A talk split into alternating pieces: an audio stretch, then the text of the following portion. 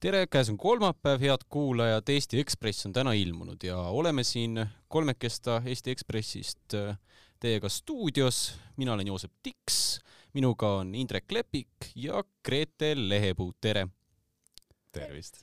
jah, et mis me täna teemaks võtame, et lehes on kindlasti palju rohkem lugemist, aga keskendume Venemaale. palju on Eesti Ekspressis Venemaa kohta lugemist ja alustaks äh, võib-olla helistame Tiinale. helistame Tiinale kõigepealt, kes äh, on äh, ühenduses olnud Moskvaga. praegu ta helistab meile muidugi kuskilt mujalt Tallinna otsast, aga.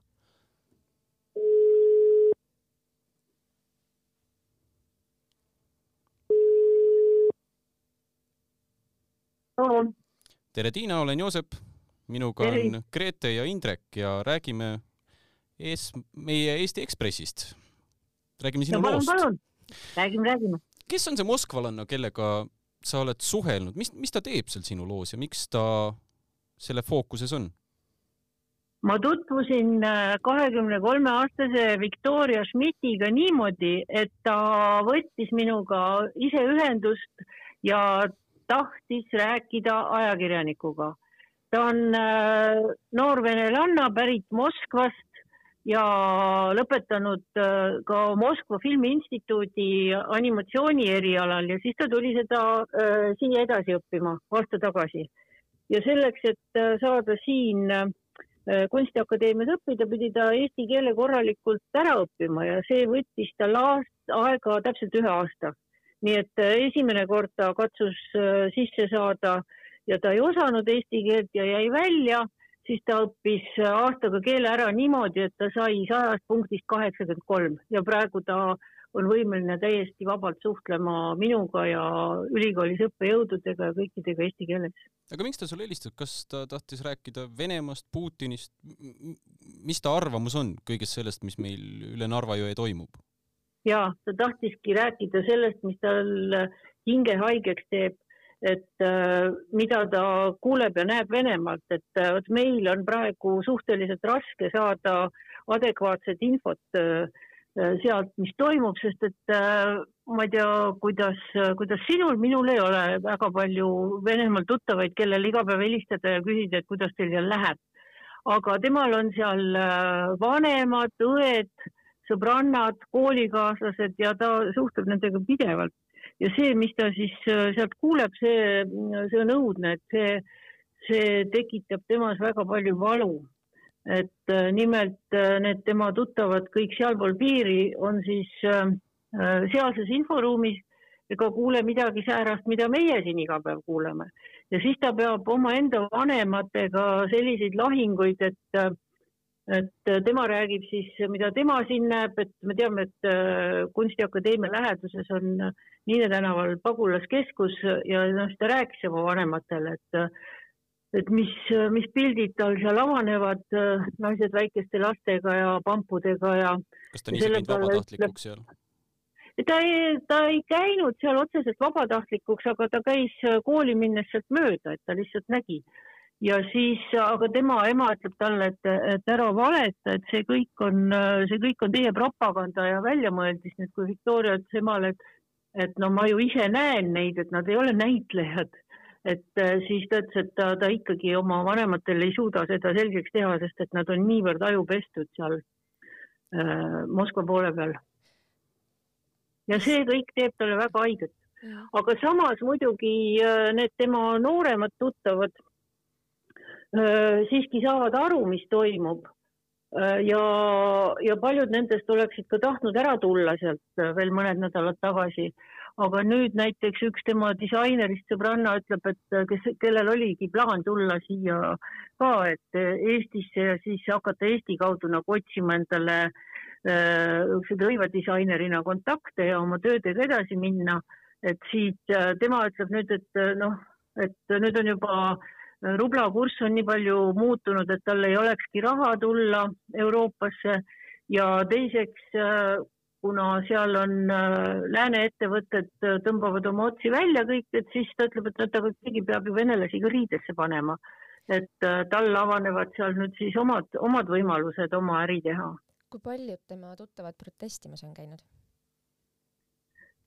protestimas nii palju, kui ta mulle jõudis rääkida, ta, ta rääkis ühest oma sõbrast Tiimast, kes üritas protestida, aga siis ta ütleb, et paljud, kellel on väikesed lapsed, et nad ikkagi ei lähe praegu, et nad küll kannatavad hambad ristis, aga kuna need sanktsioonid on nii tugevad, siis nad ei saa oma laste pärast riskida enda vangi panemisega või, või mingite suurte trahvidega no ega sealt Venemaalt mulle tundub, et ei tule kunagi siis mingit protesti, et inimesed kardavad, on Põhja-Korea sisuliselt ja vanemad on aju pestud või, või kas, kas mulle jääb kuidagi õige mulje või vale mulje nüüd?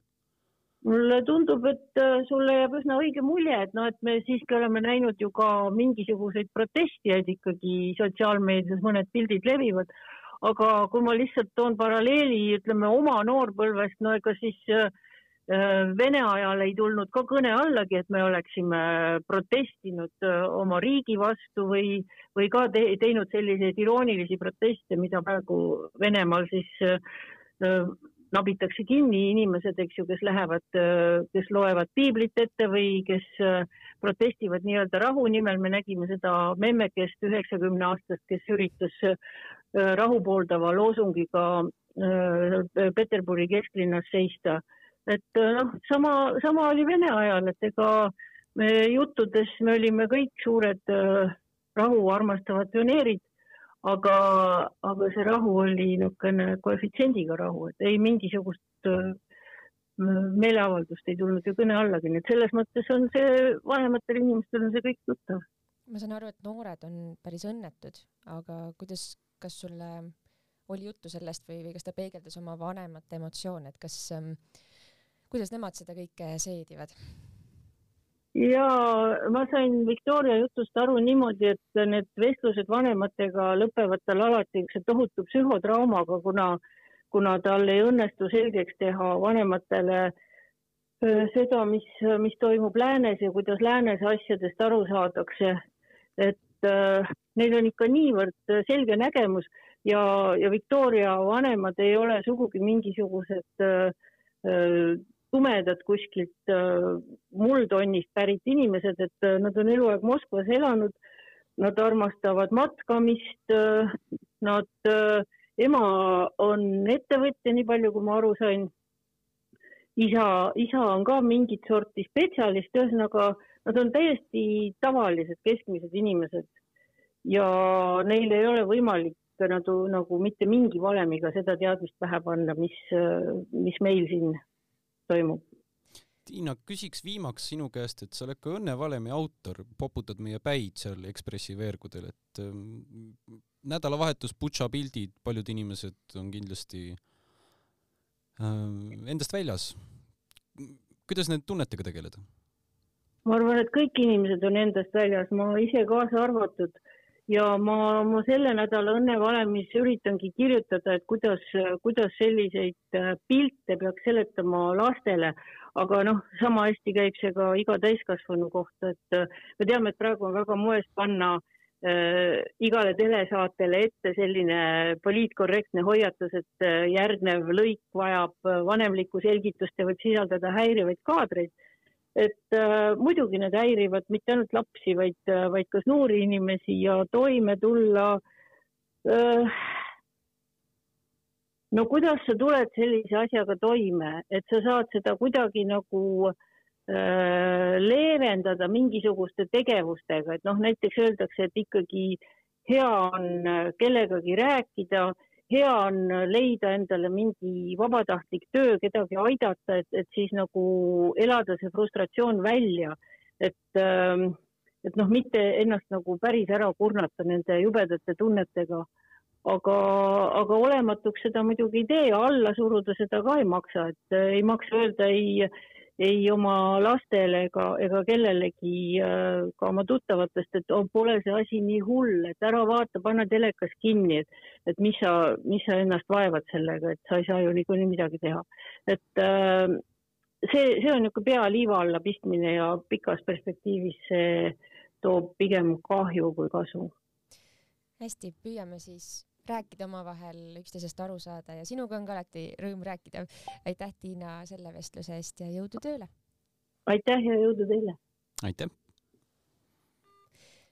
lähme ütleme, kui see saade on meil paremini üks hetk paigas ja rööbastes me esimest korda on ju praegu proovime seda, siis kindlasti siis on- tuleks mingi üleminek siit, keegi laulaks või teeks muusikat, aga Indrek, nüüd võtaks äh, sinu ette. Kirjutad meile Venemaa keskklassist, praegu me ka rääkisime Tiinaga Venemaa keskklassist sisuliselt on ju, keskmistest inimestest. edukad inimesed, kes, keegi ei ole selline, ütleme kuskilt muust äh, kvintiilist. et sa kirjutad küll keskklassist, aga kas see siis nüüd hakkab Venemaal välja surema või raha neil ju ei ole või, või tekkis ju vahepeal suur jõukas kles-, keskklass ja ühiskondadest eeldatakse, et see on see mootor. jah, muidugi selle vene keskklassiga on see lihtne probleem, et äh, see rikkus on selles suhtes näiline, et äh, Venemaal on väga suur osa inimestest otseselt sõltub äh, riigi sissetulekutest, et nad on kas riigipalgal otseselt ehk siis riigiaparaadis või, või ütleme ka näiteks õpetajad või, või muud sellised spetsialistid, kellele riik otseselt palka maksab või siis nad töötavad riigiettevõtetes, kasvõi nendes energiafirmades, muud maavaradega tegelevad ettevõtted ja arvestades, et äh, Putini ütleme siis nii-öelda esimesel ametiajal ehk siis kahe tuhandendast aastast kuni äh, kahe tuhande kaheksanda aastani oli toormeturul maailmas väga kõva ralli, enne finantskriisi maksis naftabarrel rohkem kui praegu ja, ja see tõi väga palju raha Vene riigikassasse, mis tähendas ka, et neile kõigile riigipalgalistele sai paremat palka maksta. ja nüüd, nüüd siis on sellega ilmselt äh, mõneks ajaks otsas, et äh, aga palku nafta ja makstakse edasi ju. palkasid makstakse edasi, naftat ja gaasi müüakse edasi, teenitakse rekordiliseid kasumeid praegu. aga sisuliselt kogu muu eraettevõtlus on eh, riigis täiesti ära tapetud ja ka needsamad lääne suurettevõtted, kes on ennast turult ära viinud, ka, ka nende palgal, tõsi, praegu ollakse valdavalt palgaga puhkusel, aga kui see ikkagi, ütleme, kogu see sanktsioonide pakett laieneb mitmele kuule, kui mitte mitmele aastale, siis kindlasti ka see hakkab muutuma aga mis see siis tähendab keskklassi jaoks, et noh, iseenesest teatris saad ju edasi käia, okei okay,, ütleme Adidas ei opet ei saa osta, mis sellest ikka, et iseenesest Putin ju võib nii kaua rahaga lihtsalt neid kinni maksta, kuniks nad rahul on eluga. see on üks siuke hea sümbol äh, vene keskklassile on IKEA. Kõik me teame IKEA mööblit, ka nüüd Lasnamäel on ju IKEA pood ja eestlasi ja venelasi mõlemaid käib seal väga palju ostlemas. ja IKEA jõudis Vene turule kahe tuhandendal aastal, ehk siis ta on täpselt sama sammu käinud kogu selle vene keskklassi rikkuse kasvuga ja nüüd IKEA pani oma poed kinni, kõik muud lääne brändid on pannud oma poed kinni. Siin minu lugu illustreerivad eh, tühjad letid eh, Prisma eh, supermarketis, mis teadupärast ju siin ka Tallinnas, Tartus ja mujal Eestis tegutsevad, et jah, neil on rublasid ja rubla kurss on ka pealtnäha täiesti okei okay,, okeim, kui ta paistis näiteks kahekümne viiendal või kahekümne seitsmendal veebruaril. aga kui sa selle raha eest midagi ei saa, siis sul ei ole nende rubladega mitte midagi pihta hakata, et kui me mõtleme selle peale, et keskklassi tunnuseks on äh, võime näiteks võtta korterilaenu, liisida autot, lennata puhkusele Türki, siis äh, neid asju enam teha ei saa. nii et äh, selles kontekstis me võime öelda, et keskklass on mõnes mõttes kaotanud kõige rohkem, et alati selliste finantsraputustega saavad pihta need, kes on kõige vaesemad, aga võib ju küüniliselt öelda, et vaestel ei ole mida kaotadagi, nii et selles mõttes nende olukord väga ei muutu. kas vaikselt hakkab äh, jõudma see murdepunkt, kus äh, selline patriotism ja see, see mm, oma riigi uskumine või oma riigi nimel kannatamine ikkagi jääb nüüd alla nendele isiklikule kannatustele? no on põlvkond, kes äh, võtavad ju Putinit kui jumalat ja siis on põlvkond, kelle sekka kuulume ju ka meie siin kõik stuudios, kes ei kujuta endale ette, et sa mingi mehe pärast peaksid kannatama.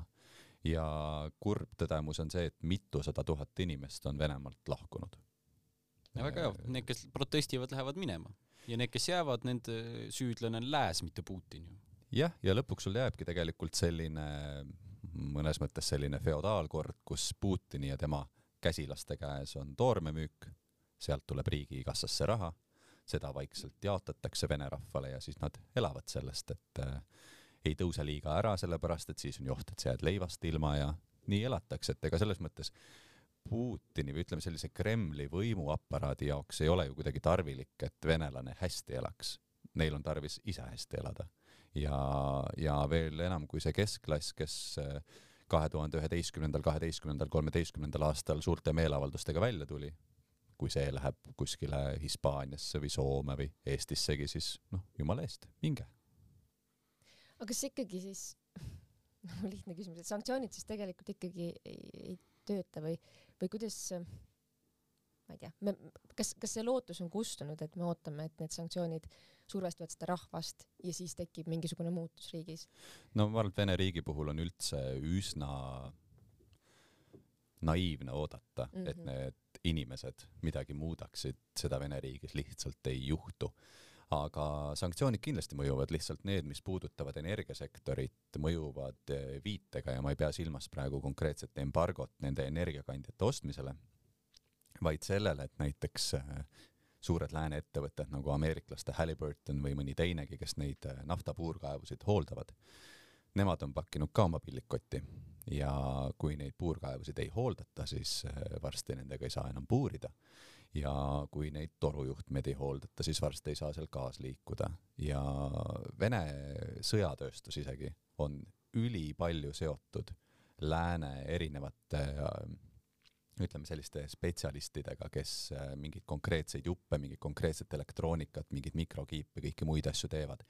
ehk siis Vene enda tootmine ja ka energia tootmine praeguse seisuga lihtsalt lähiaastatel kukub kokku, sellepärast et nad saavad pumbata praegu nii palju, kui pumbata saab ja siis saab see otsa ja kõige parem näide sellest on meil praegu Venezuela, millel on äh, maailma vist kõige suuremad naftavarud, isegi Saudi Araabiast enam tõsi, see nafta ei ole nii, ütleme jutumärkides kvaliteetne kui Saudi nafta, aga, aga jätame selle praegu kõrvale.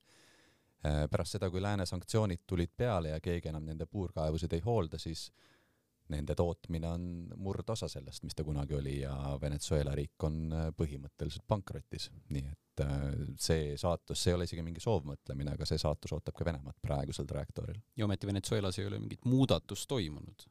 jah, see on ka tõsi ja siis me tegelikult näemegi, kuidas see lihtne inimene jääbki siis pärisorjaks oma maale ja selleks mõisnikuks on jätkuvalt Putin ja selline suur Põhja-Korea meil siis Peipsi taga on.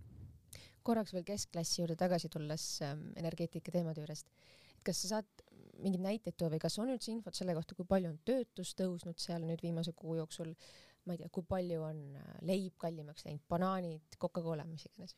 Coca-Colat vist ei müüdagi enam nüüd jah? Äh, töötus ei ole ülemäära kasvanud, sellepärast et nagu ma ütlesin, väga paljud on riigipalgal, kas kaude või otse ja need töökohad ei ole praegu veel kuskile kadunud ja ka need lääne ettevõtete töötajad on praegu siis nii-öelda palgaga puhkusel. aga kui me võtame toiduained, siis jah, eh, needsamad banaanid, eh, ma ei tea, nisujahu, kõik sellised asjad, mida meie oleme harjunud iga päev ostma, on noh, kohati kaks ja kolm korda kallimaks läinud ja, ja sellepärast me ka näeme seda, kuidas praegu mõnes mõttes ka rahvas ise tekitab seda puudust juurde, sellepärast et nähakse, et see läheb aina kallimaks ja võib-olla seda ei ole ka hiljem saada, mis tähendab, et see tuleb kiiresti kõik ära osta, me oleme näinud videosid sellest, kuidas kaubanduskeskustes toimub tunglemine suhkrupakkide üle ja nii edasi. et äh, see on see kõik, mis, äh, mis hakkab toimuma, et meil on kuidagi inimestena selline komme oodata, et mingid asjad juhtuksid hästi kiiresti ja siis, kui nad ei juhtu kiiresti, siis me alahindame tegelikult seda, kuidas nad ikkagi pika aja jooksul juhtuvad.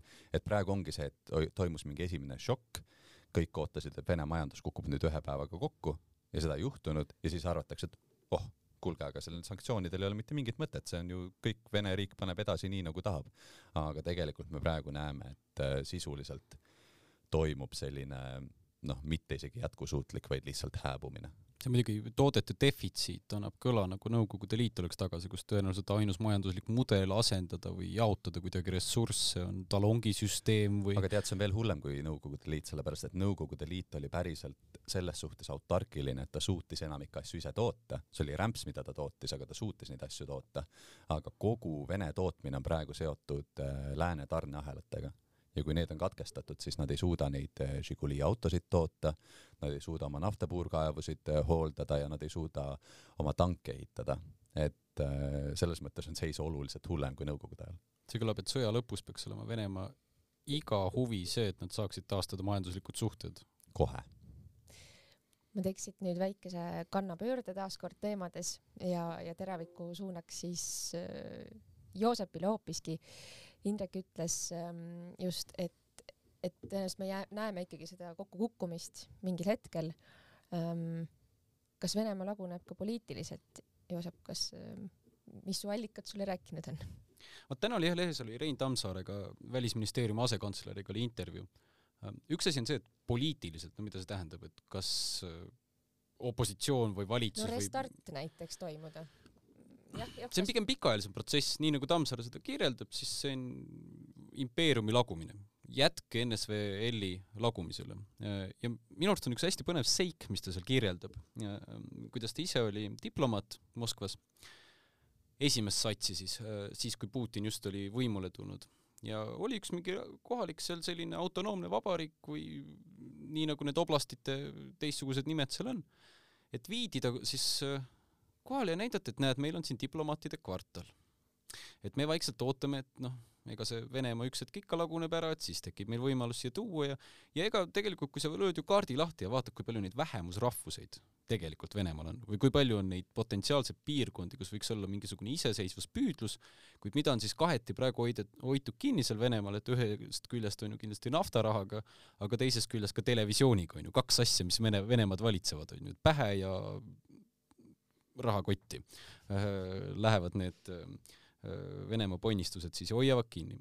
aga järjest hakkab mõlemat vähemaks jääma, raha hakkab vähemaks jääma, on ju, ega see televisioon ka üks hetk noh, ma ei tea, kui palju paremini sind valitsetakse Moskvas, sa hakkad enda käest üks hetk küsima, et, et see ma noh, tõenäoliselt see poliitiline lagunemine, mis Venemaal paratamatu protsess on nagu impeeriumitega ikka, et see ei toimu mitte Moskvast. Need, ütleme, seesama Victoria vanemad, kellega me räägime, või, või see Vene keskklass, no nad on konformistid, nad jäävadki sinna. aga ka äärealad, noh, seesama, oli see vist kaks tuhat kaheksateist, kui seal Krasnojarskis olid meeletud, on ju, sajad tuhanded tulid välja, sest äh, nende kohalik kuberner julges Putinile midagi öelda ikkagi kuskilt sotsiaaltoetuste asjade pealt. inimesed olid tänavatel ja pensioni tõstmine, see oli ju protsess, mille Putin tagasi keeras. riik on nii vananev, riik on nii sõltuv baabuškatest, et nad ei saa pensioniiga kuidagi tõstetud. ega Putini võim ka ei käi ju kõigest üle. Ja no okei okay,, kui me vaatame nüüd seda laiemat mõtet, et noh, ju see ongi siis selline võib-olla laguneva impeeriumi kas viimane või eelviimane agoonia noh. on neid märke näha ka, et, et mingid, mingid piirkonnad hakkavad järjest rohkem autonoomiat kasvatama, kuni siis jõuavad eraldumiseni? ei ole, see on üpriski äh, karmi võimu all ju praegu või noh, kui on, siis ma ei oska seda hetkel öelda mm. -hmm. aga, aga ma ise hakkasin mõtlema hiljem pärast seda intervjuud ka härra Tammsaarega, et äh, tuli meelde üks seik ajaloost, Vene ajaloost, aasta tuhat üheksasada neli. Hakkas Vene-Jaapani sõda.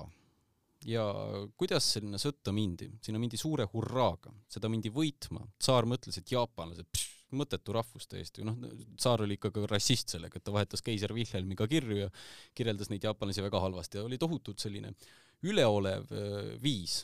ja kogu aeg millegipärast saadi seal kaugel Aasias peksa. Vene mehed läksid ja jälle ei õnnestunud neil mitte miski ja noh, eks see viimane suur lootus oli, et nad viisid kogu oma selle Balti laevastiku ja Mustast merest vist ka äkki, võtsid kokku ja saatsid Jaapanile, tegid ümber Aafrika tiiru ja vurasid ja vurasid ja viimane lootus oli selle peale, et vaat nüüd tuleb, no umbes nagu nüüd Donbassi minnakse. jõudsid Jaapani alla, pihuks ja põrmuks kogu laevastik.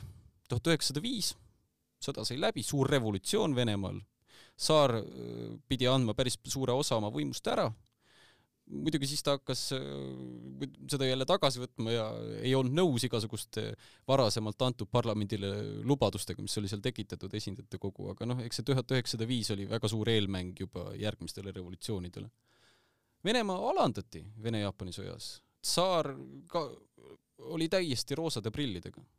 ja, ja noh, kui sa nüüd tänast Venemaad vaatad, siis seesama mõtteviis on ju üles ehitatud, me oleme suurimad, me oleme parimad BBC-s oli Hard Talkis oli see Marina Butina mm, -hmm. mäletan ikka õigesti ta nime vist. just, ja ma mäletan, kui ma nüüd õigesti mäletan, mis ta seal intervjuu lõpus ütles. Venemaa ei kaota kunagi. Venemaa võidab. ja, ja ma arvan, et ta oli täiesti siiras sellega, see ei olnud mingi propaganda, see on selline mantra, mida endale korrutatakse. selline no, usk teise maailmasõja lõppu. tema on seesama, kes on äh, rahvale demonstreerinud neid äh, Vene nutitelefone ja kõiki neid muid häid Vene kaupasid, mis nüüd äh, lääne kaupade asemele tulevad ja kuidas ikkagi mm, Vene riik saab ise hakkama ja Vene rahval noh, tuleb selline uus õitsengu äh, periood, et jah, õpetas ka mm, moeteadlikele preilidele, kuidas Z-tähte endale kuskile jaki äh, ääre peale kleepida ja õmmelda, et vot mis kõrra, kõneisik võrratu ju lausa. Kuule, aga äh, tsaaridest rääkides, praegune isehakanud äh, tsaar, mis tema ümbruses toimub? meil on kaks kuidagi natuke erinevat artiklit isegi.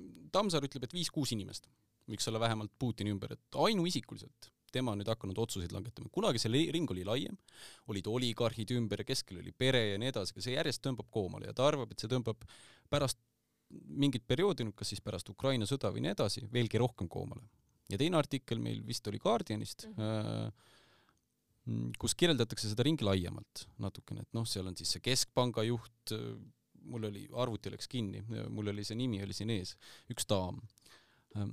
aga samas ma lo- loen ka seda Guardiani artiklit ja ma mäletan, et see daam ei olnud küll just üks nendest, kes eriti seda sõda oleks tahtnud või sinna riiki isegi ma jääda. mäletan seda masenduses pilku, kus oli käsi oli vajunud pea peale ja et äh, jah, jah pigem, pigem ei paistnud tema kehakeelest, et ta oleks aktivist seal jah. ega seal ei ole kedagi väga, kes seda sõda oleks nüüd äh, tahtnud ka julgeolekuteenistustest, et me mäletame seda Narõškini mõnitamist seal täpselt Mm. mm. samamoodi, et äh, Vene Keskpanga kiituseks peab ütlema, et nad on küll praegu teinud kõik maksimaalse, et äh, Vene majandust ja rahandust hoida vee peal, aga, aga nagu meie kõikide teemade ja juttude peale nagu kokku tuleb, ongi see, et äh, on käima lükatud mingid protsessid, mis ei anna tulemust ei täna ega homme ega ülehomme, aga lähemate aastate jooksul see viib lihtsalt sellise mandumise ja allakäiguni. Ja, ja küsimus ongi nüüd selles, et kas siis Putin valitseb selle, jällegi selle suure Põhja-Korea üle siis nüüd veel kümme aastat või saab keegi mingil hetkel aru, et, et, et võib-olla see allakäik ei ole veel täiesti pöördumatu ja haarab ohjad enda kätte, aga noh, praegu on see selline fantaasiavaldkond rohkem. ja kust see teine poliitik üldse tuleb või seal on ju vaja, selle jaoks, et revolutsioon saaks toimuda, on vaja kedagi, kes pretendeeriks võimule. ja need viis-kuus inimest või need, see natuke suurem ring sinna praegu ei paista, isegi, isegi Šoigu ja Gerassimov, üks varastas po-, ühe poole ja teine teise poole bensiinist ära, on ju, sõjaväel. et äh, i- noh, isegi nemad on ju sellises, ma saan aru, üpriski, nad on küll vajalikud, aga mitte kumbki Putinist üle ei käi, on ju. noh, sõjavägi on seal üldse naljanumber, et sisejulgeolek ja FSB ja siuksed äh, hallid kardinalid on ikkagi selle riigi juhid, on ju. ja see üks suur hall kardinal ongi see Putin, kes tegelikult on kõige eesotsas. mis Rein Tammsaar äh, lõpetuseks kokkuvõtteks ütleb, et kaua sõda kestab veel? ega ta seda seal palju ei kommenteerigi, et noh, nii palju, kuni jõudu jätkub, on ju äh, pigem, pigem veel kestab, oli, oli tema sõnum, ma sain nii aru. aga noh, Venemaa laguneb. Venemaa tõesti laguneb, ma arvan, et võib-olla seda kirjeldab ka väga hästi see, et, et äh, teisiti ei ole seda riiki võimalik juhtida, kui järjest võimu ühe isiku kätte koondades ja oma rahvast õigustades, oma riiki õigustades sellega ainult, et sa üritad äh, järjest laieneda ja laieneda ja laieneda. et mida sinna on vaja ja mida ka Tammsaar ilusti ütleb, on võib-olla noh, ilusa nimega dekolonialiseerimine. elame-näeme. ma tõmbaksin otsad kokku võib-olla. tõmbame otsad kokku ja proovime järgmine nädal uuesti. järg, järgmine nädal on ju uued lood, järgmine nädal on Uued uus Ekspress, uued inimesed loodame ka. lugege meid ikka ja, ja toredat nädalat. Kuulmiseni! Kuulmiseni, ilusat nädalat